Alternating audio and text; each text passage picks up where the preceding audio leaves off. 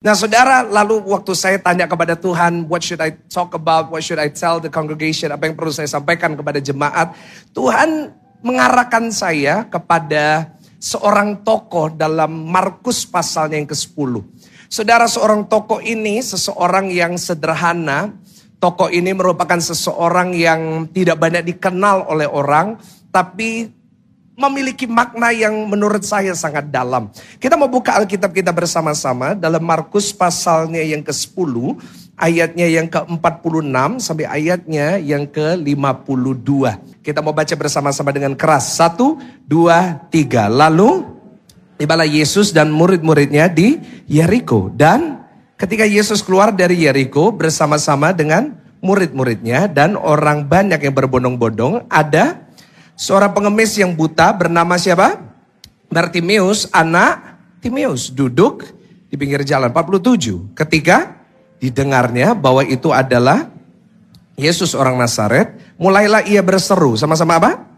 Yesus anak Daud apa? Kasihanilah aku. Tapi lihat ayat 48, banyak orang menegurnya supaya ia diam. Perhatikan di sini. Namun semakin keras ia berseru apa?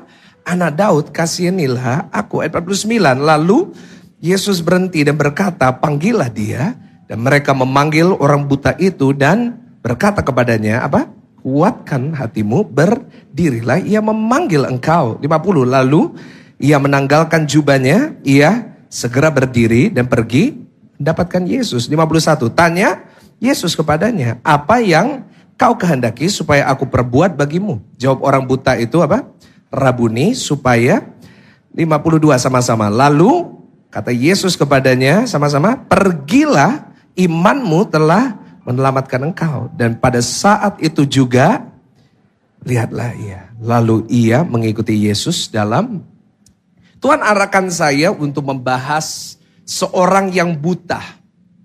Yang dikatakan dalam ayat 46, dia sedang mengemis di pinggir jalan dari satu kota namanya, tadi kita udah baca tampilin ayat 46, yaitu kota apa saudara? Dan saya nggak tahu kenapa Tuhan memunculkan nama ini Bartimeus dalam hati saya untuk dibahas.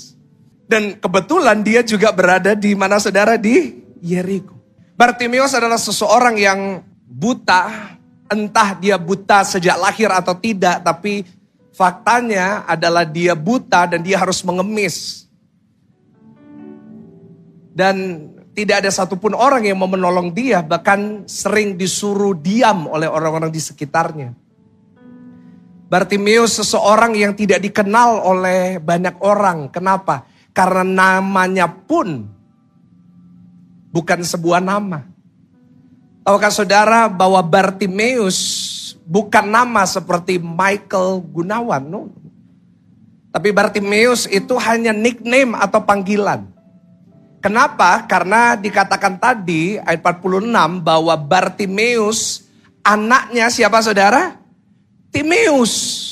Bernama Bartimeus, lanjutkan ke slide berikutnya. Bartimeus anak Timeus. Nah kenapa namanya Bartimeus? Karena Bar artinya anaknya, Timeus namanya siapa? Papanya. Jadi kalau mestinya manggil saya, mestinya Bar Samuel. Tapi jangan saudara pulang nanti Shalom Pastor Bar Samuel, jangan saudara. Tapi di sini menekankan bahwa nggak ada orang yang kenal namanya. Bahkan mungkin dia punya nama.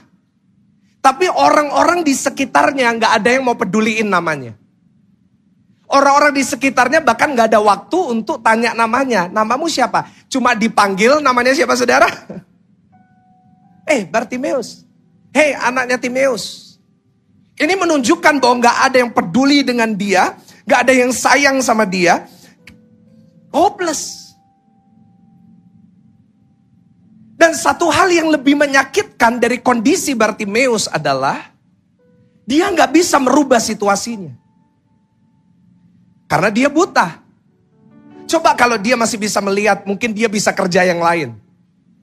Mungkin kalau e, matanya masih bisa melihat, mungkin dia masih bisa angkat-angkat koper. Karena Yeriko adalah kota yang terkenal pada e, pada zaman itu. Mungkin kalau dia masih bisa melihat, mungkin dia masih bisa kerja yang lain. Mungkin jadi pelayan di restoran. Tapi pernahkah saudara lihat pelayan restoran buta? Saya nggak bisa bayangin pelayan restoran buta bawa sop buntut yang masih ada apinya. Pasti ada kejadian dan pasti dipecat. Bartimeus gak bisa merubah situasinya.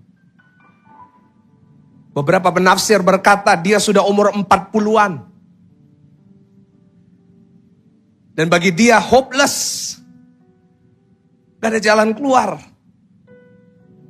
Saudara, saya tanya kepada Tuhan, Tuhan kenapa Tuhan mau saya bicara Bartimeus kok jauh banget? Dari kita udah bahas sungai Yordan, kota Yeriko. Kita minggu lalu sudah uh, membahas tentang kota kecil namanya kota apa? Ai. Kok Tuhan bawa saya Bartimeus? Nah, dan Tuhan tujukan kepada saya bahwa ada saudara yang mengikuti ibadah ini, baik saudara onsite maupun saudara online. Berapa ribu saudara online saya menyapa saudara semua. Saudara sedang mengalami apa yang dialami Bartimeus. Apa itu? Saya catat di slide. Apa yang dialami oleh Bartimeus adalah ketidakmampuan untuk merubah situasinya bahwa saudara udah nggak ada jalan lagi untuk berubah situasi saudara, udah terlanjur pak. Mungkin saudara hari ini berada dalam situasi di mana kondisi saudara udah sulit untuk dirubah. Pastor Michael, suamiku itu udah aku doain 12 tahun. Tapi dia nggak mau berubah. Tetap kepala batu. Bu, saya kasih tahu ya bu, kalau suaminya ibu kepala batu, jangan dimarahin bu. Tapi kepalanya digosok, siapa tahu jadi batu akik bu. Tapi banyak orang berkata, Pastor saya udah doain puluhan tahun. Tapi suami saya nggak mau berubah. Saya tetap tertekan di rumah. Mungkin saudara berada dalam situasi, saudara baru kehilangan uang. Dan saudara udah gak ada jalan lagi, gimana? Merubah situasi saya. Dan hal ini bisa terjadi bukan hanya dalam aspek keuangan, tapi bisa juga bicara tentang keluarga saudara maupun kondisi tubuh saudara yang sakit. Bartimeus gak punya apa-apa untuk bisa merubah situasinya. Bahkan orang eh, bisa aja kasih dia satu julukan madesu. Apa tuh madesu? Masa depan? Ya gak bisa ngerubah apa-apa. Dan mungkin hari ini ada orang-orang itu di antara saudara, saya nggak tahu. Tapi mungkin hari ini saudara sedang menghadapi jalan buntu seperti itu. Mungkin saudara sedang menghadapi satu jalan di mana saudara nggak bisa merubah situasi saudara. Jalan buntu saudara hadapin, tembok kemustahilan saudara hadapin. Tapi pesan Tuhan buat saudara, Tuhan selalu punya cara untuk menolong saudara. Ya percaya kasih tepuk tangan yang paling meriah, tepuk tangan. Saya catat dalam jalan buntu pun. Tuhan selalu punya jalan. Mungkin hari ini saudara udah ngadepin satu situasi di mana Pak udah gak ada jalan lagi. Tapi ingat, dalam Tuhan, dia punya seribu satu cara untuk menolong saudara dan saya. Bagi Bartimeus gak ada harapan buat dia. Gak ada jalan buat dia bisa jadi orang sehat. Gak ada harapan buat dia untuk bisa melakukan perkara yang dahsyat. Tapi saat dia bertemu dengan Yesus, apa yang terjadi?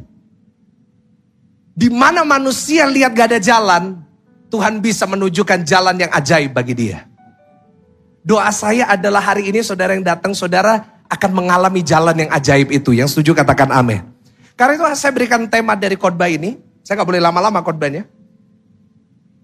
Judul khotbah saya adalah menemukan Tuhan di jalan yang buntu. Ulangin sama-sama dengan saya. Satu, dua, tiga. Menemukan Tuhan apa?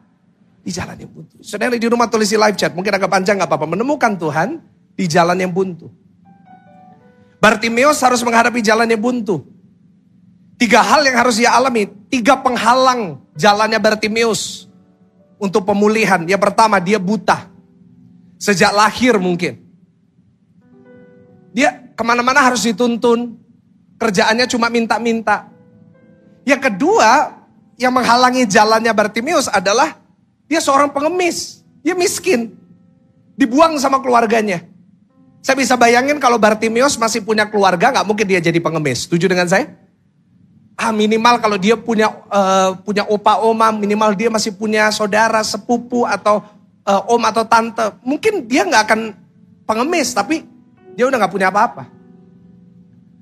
Dia nggak punya nama. Tapi di jalan buntu, dalam hidup Bartimius, di mana seakan-akan gue udah, udah gak ada jalan, Tuhan tunjukkan jalan yang baru bagi dia. Dan mungkin hari ini saudara ada yang ngalamin itu. Pastor, itu yang saya alamin. Gak ada jalan lagi buat saya. Dan saudara sering kali orang seperti Bartimius akan gampang menyerah. Kenapa?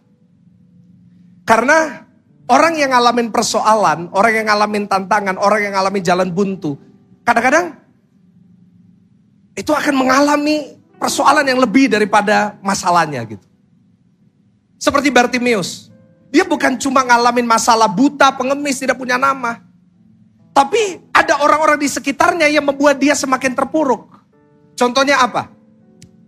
Mungkin Bartimius yang buta itu, dia dihakimi sama orang lain.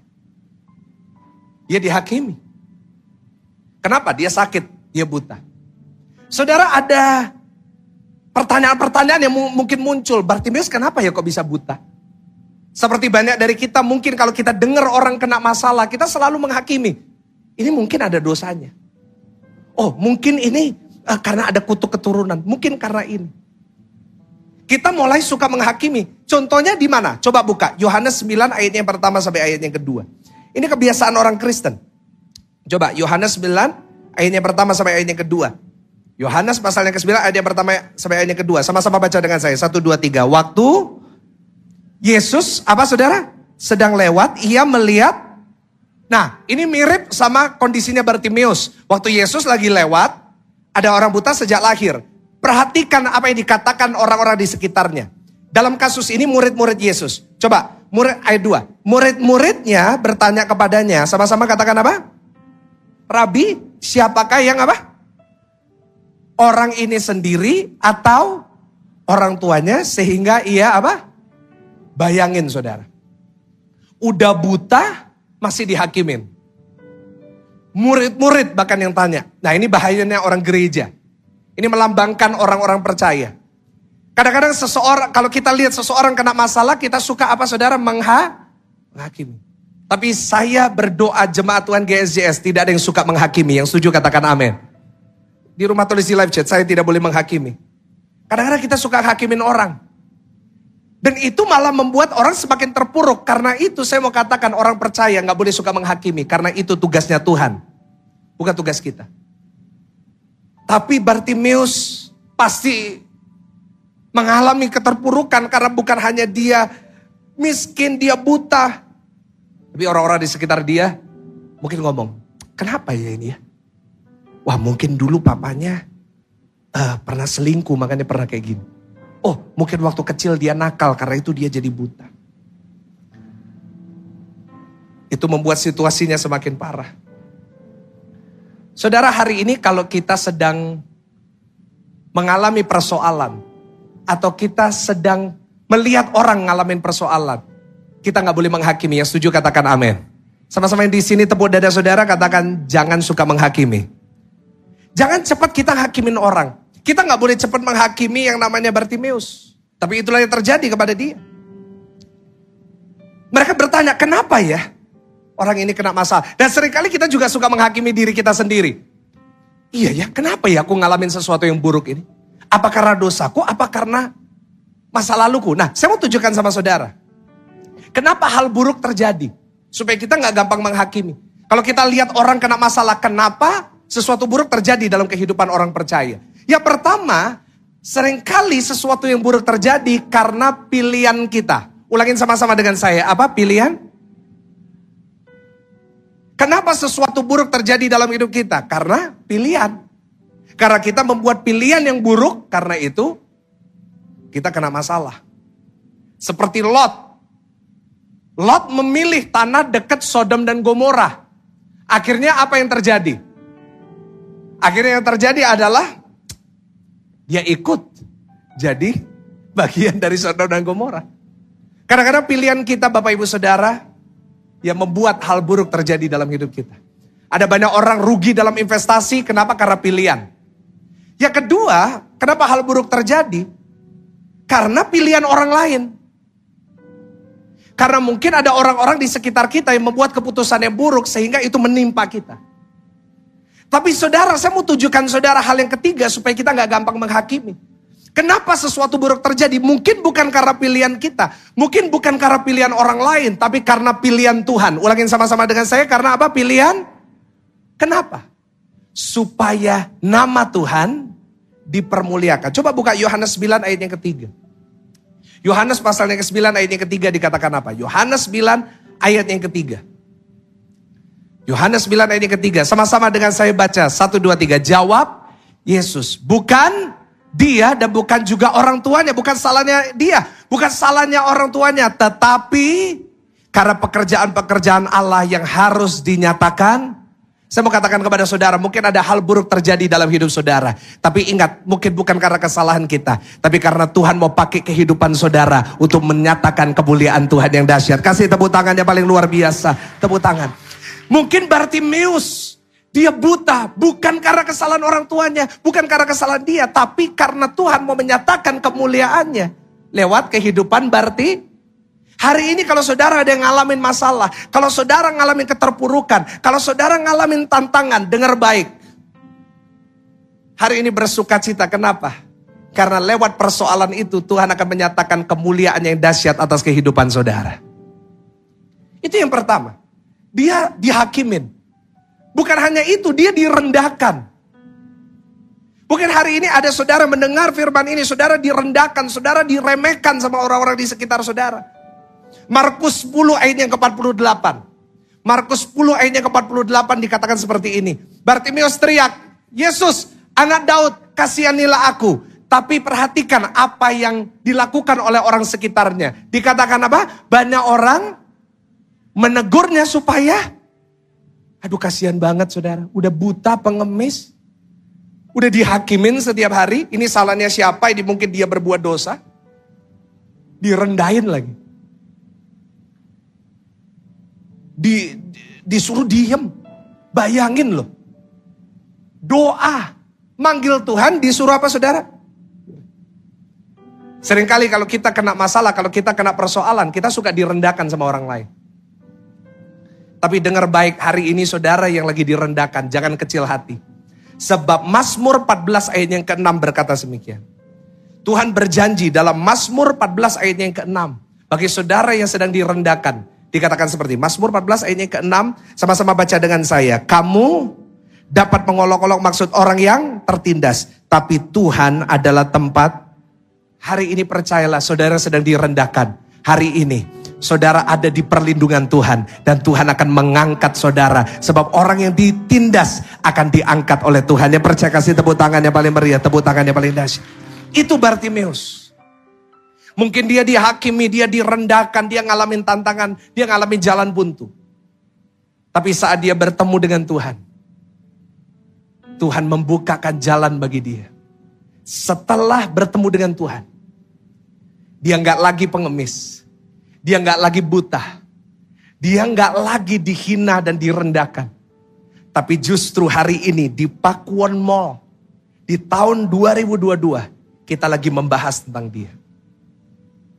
Karena itu hari ini saya mau katakan kepada saudara yang lagi ngalamin jalan buntu. Jangan kecil hati ya. Saudara jangan menyerah hari ini.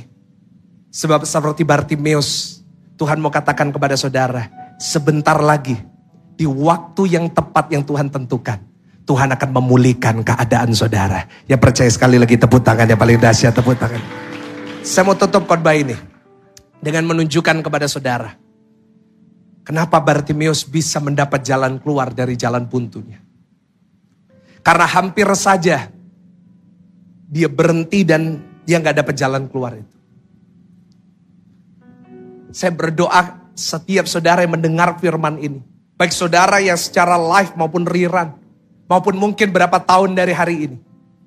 Mungkin saudara mendengar ini gak sengaja di handphone saudara.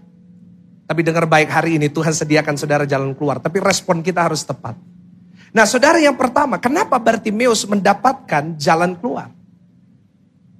Saat dia menghadapi jalan buntu. Yang pertama kita buka Markus 10 ayat yang ke-48. Ada dua poin yang saya mau bagikan kepada saudara. Markus 10 ayat yang ke-48. Markus 10 ayat yang ke-48 berkata demikian. Banyak orang menegurnya supaya ia diam. Perhatikan kalimat ini. Dikatakan namun semakin apa saudara? Semakin keras ia berseru. Anak Daud, kasihanilah. Hampir saja dia nggak dapat. Tapi saudara, poin yang pertama. Kenapa Bartimeus mendapatkan jalan keluar? Kenapa Bartimeus akhirnya mengalami perjumpaan dengan Tuhan dan dia keluar dari jalan buntu hidupnya? Catat yang pertama. Karena dia tidak berhenti mencari Yesus. Ulangin sama-sama dengan saya, apa dia tidak berhenti apa saudara? Di rumah tulis di live chat, saya tidak boleh berhenti mencari Yesus. Saudara dikatakan orang-orang suruh dia diam. Shut up. Mungkin bahasa Inggrisnya gitu. Mungkin kalau e, Bartimeus lagi di, di Surabaya paling diomongin. Mas menengoh. Jangan rame-rame. Diam. Tapi dia semakin keras. Semakin apa saudara? Bahkan e, bahasa aslinya itu memakai kata kerazo. Ulangi sama-sama apa saudara? Keras. Kerazo itu kalau dalam terjemahan aslinya itu bunyi suaranya seperti burung gagak. Ah! Ah! Ya mirip saudara, saya tahu saudara ya. Kalau minggu lalu saya uh, monyet, ini burung gagak. Itu digambarkan seperti burung gagak. Artinya apa? Ini akar kata dari kerazo, crazy, seperti orang gila. Semakin keras, dia nggak berhenti, tapi semakin kerazo, semakin gila, semakin cari, semakin keras. Meskipun orang di sekitarnya suruh dia diam. Meskipun orang di sekitar bilang kamu gak ada harapan. Meskipun orang di sekitarnya berkata kamu terkutuk, tetap cari Tuhan. Yang setuju katakan amin. Coba saudara datang sama keluarga kasih tahu, ayo tetap cari Tuhan. Berapa banyak dari kita saat kita dengar perkataan orang seperti Bartimeus, kita ingin cepat menyerah. Mungkin saudara dengar perkataan orang tua saudara bilang, kamu ini gak ada harapan memang. Atau mungkin teman-teman saudara bilang, memang kamu ini ada kutuknya mungkin. Hari ini pesan Tuhan buat saudara, jangan cepat nyerah. Yang setuju katakan amin. Jangan karena perkataan orang terhadap saudara membuat saudara mau menyerah. Bartimeus dengar orang di sekitarnya. Ayat 48 dikatakan, Markus 10 ayatnya ke 48. Tetap tampilin. Dikatakan banyak orang, berarti bukan cuma satu. Tapi banyak orang. Lebih dari satu, mungkin dua, tiga, empat. Tapi dia tetap cari Tuhan, dia nggak nyerah. Begitu juga dengan saudara, setan boleh suruh saudara menyerah. Tapi orang percaya nggak boleh suka menyerah. Saudara kalau saya mau dengar perkataan orang, saya pasti sudah menyerah dari dulu untuk jadi pendeta. Mungkin hari ini belum dijawab. Mungkin saat saudara berdoa satu kali belum dijawab. Tapi besok tetap doa lagi. Yang setuju katakan amin. Untung aja Bartimeus gak berhenti waktu disuruh berhenti. Ya kan? Untung aja Bartimeus gak berhenti waktu disuruh diam. Malah ayat 48 berkata semakin keras. Coba kalau Bartimeus berhenti. Mungkin dia kehilangan kesempatan untuk sembuh. Mungkin sampai dia mati, dia buta. Tapi meskipun disuruh diam, dia nggak berhenti cari Tuhan. Yesus anak Daud kasihanilah aku, disuruh diam. Tetap teriak semakin keras. Jesus son of David, have mercy on me. Itu yang harus kita contoh dari Bartimeus. Jangan sampai kita kehilangan kesempatan mengalami mujizat Tuhan. Hanya karena kita mau menyerah. Hanya karena kita gampang menyerah. Orang yang gampang menyerah, orang yang gampang berhenti di tengah jalan itu penangkal berkat. Apa cirinya orang yang suka menyerah? Yang pertama, negatif orangnya. Orang negatif sering kali kehilangan kesempatan untuk menerima mujizat Tuhan. Ah, tanya gimana kabarnya? Ah, yung ngene ngene ay. Ditanya kabarnya gimana? Yo, tambah soro yo. Saya pernah ketemu sama seorang bapak. Pak gimana kabarnya? Iya rambutku tambah tipis. Tuh gak ada yang tanya. Gak ada yang tanya sama dia tentang rambutnya. Dia udah cerita. Orang yang gampang nyerah, orangnya negatif. Yang kedua, suka nyalain orang lain. Ngalamin masalah selalu ngomong dulu. Iya karena dulu aku ditipu orang. Iya karena dulu aku kayak gini. Aduh kok tahu nggak ya pester ya. Saya tuh dulu kaya. Saya nggak perlu tahu tentang dulu saudara. Yang saya pedulikan masa depan saudara. Tapi kita suka nyalain orang lain. Iya ya karena papaku dulu itu aduh salah jalan. No no no. Jangan suka nyalain orang lain. Dan yang ketiga, ciri-ciri orang suka nyerah, rendah diri. Sukanya ngomong negatif tentang dirinya, aduh ya memang kayak gini ya, minder gitu. Tapi saya mau katakan kepada saudara hari ini, jangan sampai kita jadi orang yang gampang menyerah. Bapak ibu saudara Bartimeus tidak berhenti berdoa dan berseru kepada Tuhan. Belum kelihatan hasilnya, Tuhan nggak anggap seakan-akan. Dia tetap teriak, dia tetap berseru. Mungkin hari ini jawaban doa saudara belum terlihat. Mungkin seakan-akan Tuhan diam dalam hidup saudara.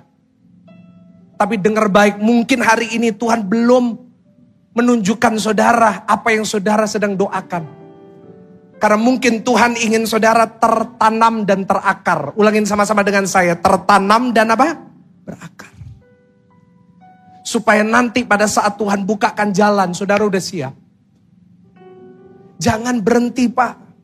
Jangan berhenti berdoa bu. Jangan berhenti nyembah, brother, sister, saudara yang lagi bergumul tentang pasangan hidup. Saudara lagi bergumul tentang pekerjaan saudara. Jangan berhenti doa, jangan berhenti beribadah. Mungkin seakan-akan itu sakit seperti Bartimeus, direndahkan orang, dihakimin sama orang tetap berseru, tetap nyembah, tetap ibadah. Meskipun itu menyakitkan. Saudara, orang kalau nge-gym, itu nggak mungkin badannya jadi dalam satu hari. Setuju dengan saya? Tapi setiap hari dia kalau nge-gym, dia latihan, tangannya sakit.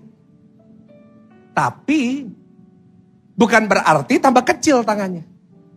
Tapi artinya itu lagi bertumbuh. Karena itu banyak orang nge-gym berhenti di tengah jalan. Kenapa? Karena udah latihan, udah setiap hari ke fitness, tapi tetap gak kelihatan hasilnya. Karena itu bilang, eh percuma. Padahal gak percuma. Padahal ototnya lagi bertumbuh. Padahal lemaknya lagi terbakar. Saudara, saya mau katakan kepada saudara. Jangan pernah berhenti berdoa. Jangan sampai saudara bilang, udah gak ada gunanya doa. No, no, no. Saya mau katakan kepada saudara. Tidak pernah ada alasan untuk berhenti berdoa. Hari ini belum dijawab, besok minta lagi. Yang setuju boleh katakan amin. Hari ini belum dijawab, besok nyembah lagi. Hari ini belum dijawab, besoknya belum dijawab, tetap nyembah lagi. Saya percaya kalau saudara bisa lakukan itu, maka seperti Bartimeus sebentar lagi Tuhan akan mengalami, Tuhan akan menemui saudara dan saudara pasti mengalami perjumpaan dengan dia. Sampai kapan Pak saya harus nyembah? Jawaban saya sederhana, sampai tangan Tuhan tergerak dalam hidup saudara. Kualitas seorang pemenang, kualitas yang saya suka dan saya belajar dari Bartimeus adalah dia seseorang, bahasa Inggrisnya relentless. Relentless artinya apa? Nggak pernah berhenti. Nggak pernah berhenti. Nggak pernah berhenti. Saya nggak tahu siapa yang butuh denger ini. Tapi Tuhan mau sampaikan kepada saudara, jangan berhenti. Saya ingin melihat, saudara mungkin belum dijawab doanya. Tapi minggu depan datang lagi. Minggu depan nyembah lagi. Minggu depan dengar firman lagi. Sampai tangan Tuhan bergerak dalam hidup saudara. Yang percaya berikan sorak-sorai. Yang paling meriah buat Tuhan. Pemain musik silakan naik. Yang kedua yang terakhir. Saya mau saudara buka ayatnya yang ke-52. Yang pertama, kenapa Bartimeus bisa mendapat jalan keluar dari jalan buntu? Karena yang pertama, dia tidak berhenti apa saudara mencari mencari Yesus. Yang kedua yang terakhir ayatnya yang ke-52. Sama-sama dengan saya baca, ini ayat terakhir yang keras saudara. Satu, dua, tiga. Lalu kata Yesus kepadanya, apa saudara? Pergilah, imanmu telah apa saudara? Menyelamatkan engkau dan pada saat itu juga. Ulangin sama-sama dengan saya. Pada saat itu juga. Wow. Pada saat itu juga dikatakan apa? Melihatlah ia. Lalu ia mengikuti Yesus dalam apa Bapak Ibu Saudara? Perjalanan. Wow. Yesus berkata, besar imanmu Bartimeus. Nah karena itu dikatakan pada saat itu juga melihatlah ia. Tampilkan poin yang kedua. Kenapa Bartimeus dapat jalan keluar di tengah jalan yang buntu? Karena saya catat. Karena Tuhan melihat bahwa dia menjadi prioritas dalam hidup Bartimeus. Karena bagi Bartimeus, Tuhan Yesuslah yang menjadi apa Bapak Ibu Saudara? Sama-sama katakan prioritas di rumah Tulisi Live Chat prioritas. Pertanyaannya gini, dari mana Tuhan melihat imannya Bartimeus? Dia nggak ngapa-ngapain kok. Dia cuma datang ke Yesus. Yesus tanya, kamu perlu apa? Dia cuma ngomong, aku mau lihat. Tapi kenapa bagi Yesus Yesus berkata imanmu besar. Buka ayatnya yang ke-50. Jawabannya di sini. Markus 10 ayatnya yang ke-50. Markus pasal yang ke-10 ayatnya yang ke-50. Markus 10 ayat 50. Dikatakan lalu ia apa saudara? Menanggalkan jubahnya. Ia segera berdiri dan pergi apa saudara? Ini menunjukkan imannya Bartimius. Ia segera meninggalkan jubahnya. Pergi mendapatkan Yesus. Saudara, jub, apa sih yang, yang, yang membuat ayat ini begitu punya arti? Ia segera meninggalkan jubahnya dan mendapatkan Yesus. Kenapa? Karena saya catat. Karena jubahnya Bartimeus merupakan sumber penghasilan satu-satunya bagi Bartimeus. Karena Bartimeus gak bisa ngelakuin apa pun selain apa saudara? Ngemis. Gak bisa ngelakuin apa-apa, cuma ngemis. Dan orang kalau ngemis, biasanya ada tataannya. Setuju dengan saya? Orang kan pasti ada. Dan pada zaman itu, orang kalau ngemis, itu gak boleh pakai baju. Dia harus lepas jubahnya, dia taruh di depannya. Dan dia minta. Tolong kasihani aku. Mungkin kalau Bartimeus orang Jawa, sawelase. Dan dia mengandalkan belas kasihan orang. Lewat apa saudara Ju?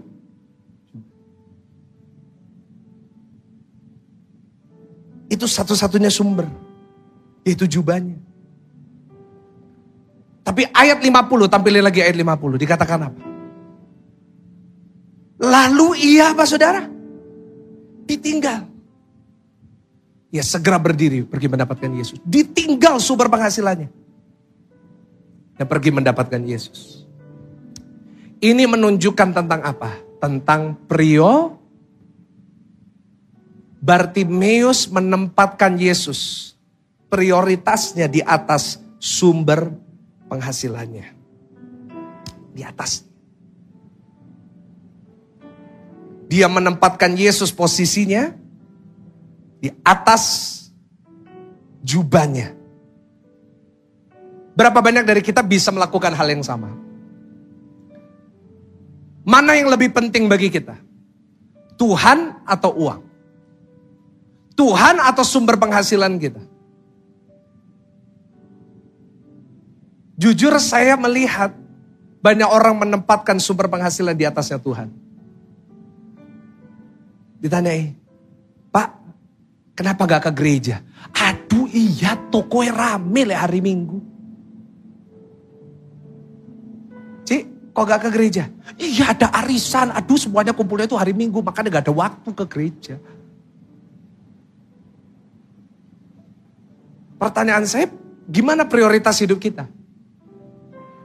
Apakah Tuhan di sini? Penghasilan kita di sini? Atau terbalik? Atau kita lebih mentingin kerjaan kita daripada ketemu Tuhan?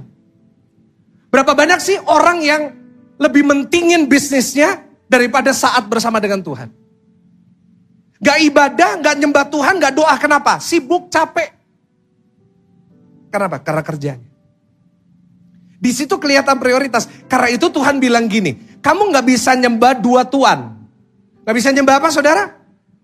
Kenapa nggak bisa, apa dua tuan ini? Yaitu Tuhan dan Mamon. Kenapa nggak bisa nyembah dua tuan? Karena salah satu dari ini pasti akan jadi prioritas saudara. Gak bisa dua-duanya sama, gak bisa. Gak bisa. One will be on top of the other. Satu akan di atas satunya. Dan Tuhan mau lihat hari ini. Mana yang jadi prioritasnya? Bartimeus ayat 50 berkata, dia ninggalin jubah. Bukan berarti hari ini Tuhan suruh saudara, tinggalin kerja saudara, gak usah kerja ke gereja to'i. Jangan saudara. No, no, no. Go to work. Kerjalah. Cari duit. Senangkan keluarga saudara. Kerja yang giat. Orang Kristen diajar kita harus rajin. Yang setuju katakan amin. Tapi jangan sampai itu ngambil tempatnya Tuhan. Tuhan gak butuh uang kita. Tuhan gak butuh perpuluhan saudara. Tapi kenapa Tuhan suruh itu? Kenapa kita harus tetap memberikan persembahan? Kenapa kita harus tetap memberikan itu? Kenapa? Karena Tuhan mau tahu prioritas saudara. Saya mau kasih tahu saudara, saya nggak pernah khotbah tentang perpuluhan. Kenapa? Karena jemaat mau kasih gak kasih, Tuhan tetap punya cara menyediakan buat gerejanya. Saya nggak pernah ngomong tentang uang, Tuhan tetap sediakan sampai hari ini. Jadi saudara jangan khawatir. Saya nggak akan WA saudara, saya nggak akan minta saudara. No, no, Tuhan yang sediakan buat gereja ini. Karena ini rumahnya Tuhan, bukan rumah saya. Tapi kenapa Tuhan suruh itu? Kenapa Tuhan uh, menyuruh kita melakukan itu? Ada perintahnya. Karena Tuhan mau lihat ini prioritas orang ini, mamon atau aku. Kenapa Tuhan menunggu seruan kedua baru baru Bartimeus ditolong? Karena Tuhan mau lihat mana prioritas orang ini jubahnya atau Tuhan? Bagi saya, Tuhan itu di atas segalanya. Tuhan itu lebih daripada di atas kekuatan saya. Tuhan itu di atas harta saya. Tuhan itu di atas segala sesuatu yang saya miliki dalam hidup saya. Dan saat Tuhan bisa lihat itu dari hati saudara, di situ Tuhan akan bukakan jalan buat saudara. Tapi kalau hari ini saudara yang lagi ngadepi jalan buntu aja, saudara tetap jadikan Tuhan nomor dua. Jangan berharap saudara melihat jalan yang terbuka dalam hidup. Kalau Bartimeus pada saat itu, dia tetap mempertahankan jubahnya. Dia dia tetap ngeringkesin dulu yang namanya jubahnya yang penuh dengan uang itu. Kalau dia ngeringkesin dulu mungkin Yesus sudah jalan jauh. Karena Yesus sibuk. Tapi dikatakan segera ia berdiri lari sama Tuhan. Itu menunjukkan bahwa Yesus di atas semuanya ini. Apa yang terjadi? Saat Tuhan Yesus lihat Bartimeus menjadikan dia prioritas di atas sumber penghasilannya. Tuhan Yesus memberikan jaminan dia nggak akan pernah minta-minta lagi. Matanya dibukakan dan dia melakukan perkara yang dahsyat. Hari ini yang Tuhan mau lihat itu hati saudara. Kalau kita ke gereja nggak pernah kasih hati kita sepenuhnya sama Tuhan, jangan berharap masalah kita selesai. Karena Tuhan jadi prioritas saja nggak bisa. Tapi hari ini, saudara datang ke gereja, saudara dengan hati yang rindu dan haus. Saudara datang, saudara nyembah, saudara sujud di altar Tuhan. Saudara berkata, Tuhan kau segalanya bagiku. Maka saya yakin dan percaya, boleh jalan buntu sebuntu apa pun. Tuhan selalu punya cara untuk menolong saudara. Kasih tepuk tangan sambil bangkit berdiri. Sambil bangkit berdiri. Saya mau berikan saudara kalimat terakhir sebelum saya doa. Satu kalimat yang menjadi pegangan saya. Satu kalimat yang jadi pegangan saya dari tahun ke tahun, dari tahun ke tahun dalam pengembalaan saya. Saya yakin saudara jemaat dari Ciputra World waktu itu hari ini pindah ke Pakuan. Saudara pasti tahu kalimat ini. Yaitu saya catat Jesus plus nothing is better than everything minus Jesus. Saya ulangi sekali lagi. Jesus plus nothing is better than everything minus Jesus. Artinya apa? Saya boleh nggak punya apa-apa. Saya nggak boleh boleh nggak punya kekuatan. Tapi kalau saya punya Yesus dalam hidup saya, itu lebih baik daripada kalau saya punya semuanya tanpa Yesus. Tuhan selalu punya cara untuk menolong kita. Karena itu yang kita kejar jangan semuanya ditambahkan kepadamu. Kalau nggak salah saya catat. Jangan sampai kita fokusnya sama jawaban doa. Sampai kita lupa sumbernya. Jangan kita prioritasnya selalu Tuhan jawab doaku, Tuhan sembuhkan aku, Tuhan berkati aku, Tuhan pulihkan aku. Tapi sampai kita lupa sumber. Apakah Yesus penting bagi saudara? Apakah seperti Bartimeus saudara rela tinggalin semua? Aku mau ikut Yesus. Baru di situ saudara lihat.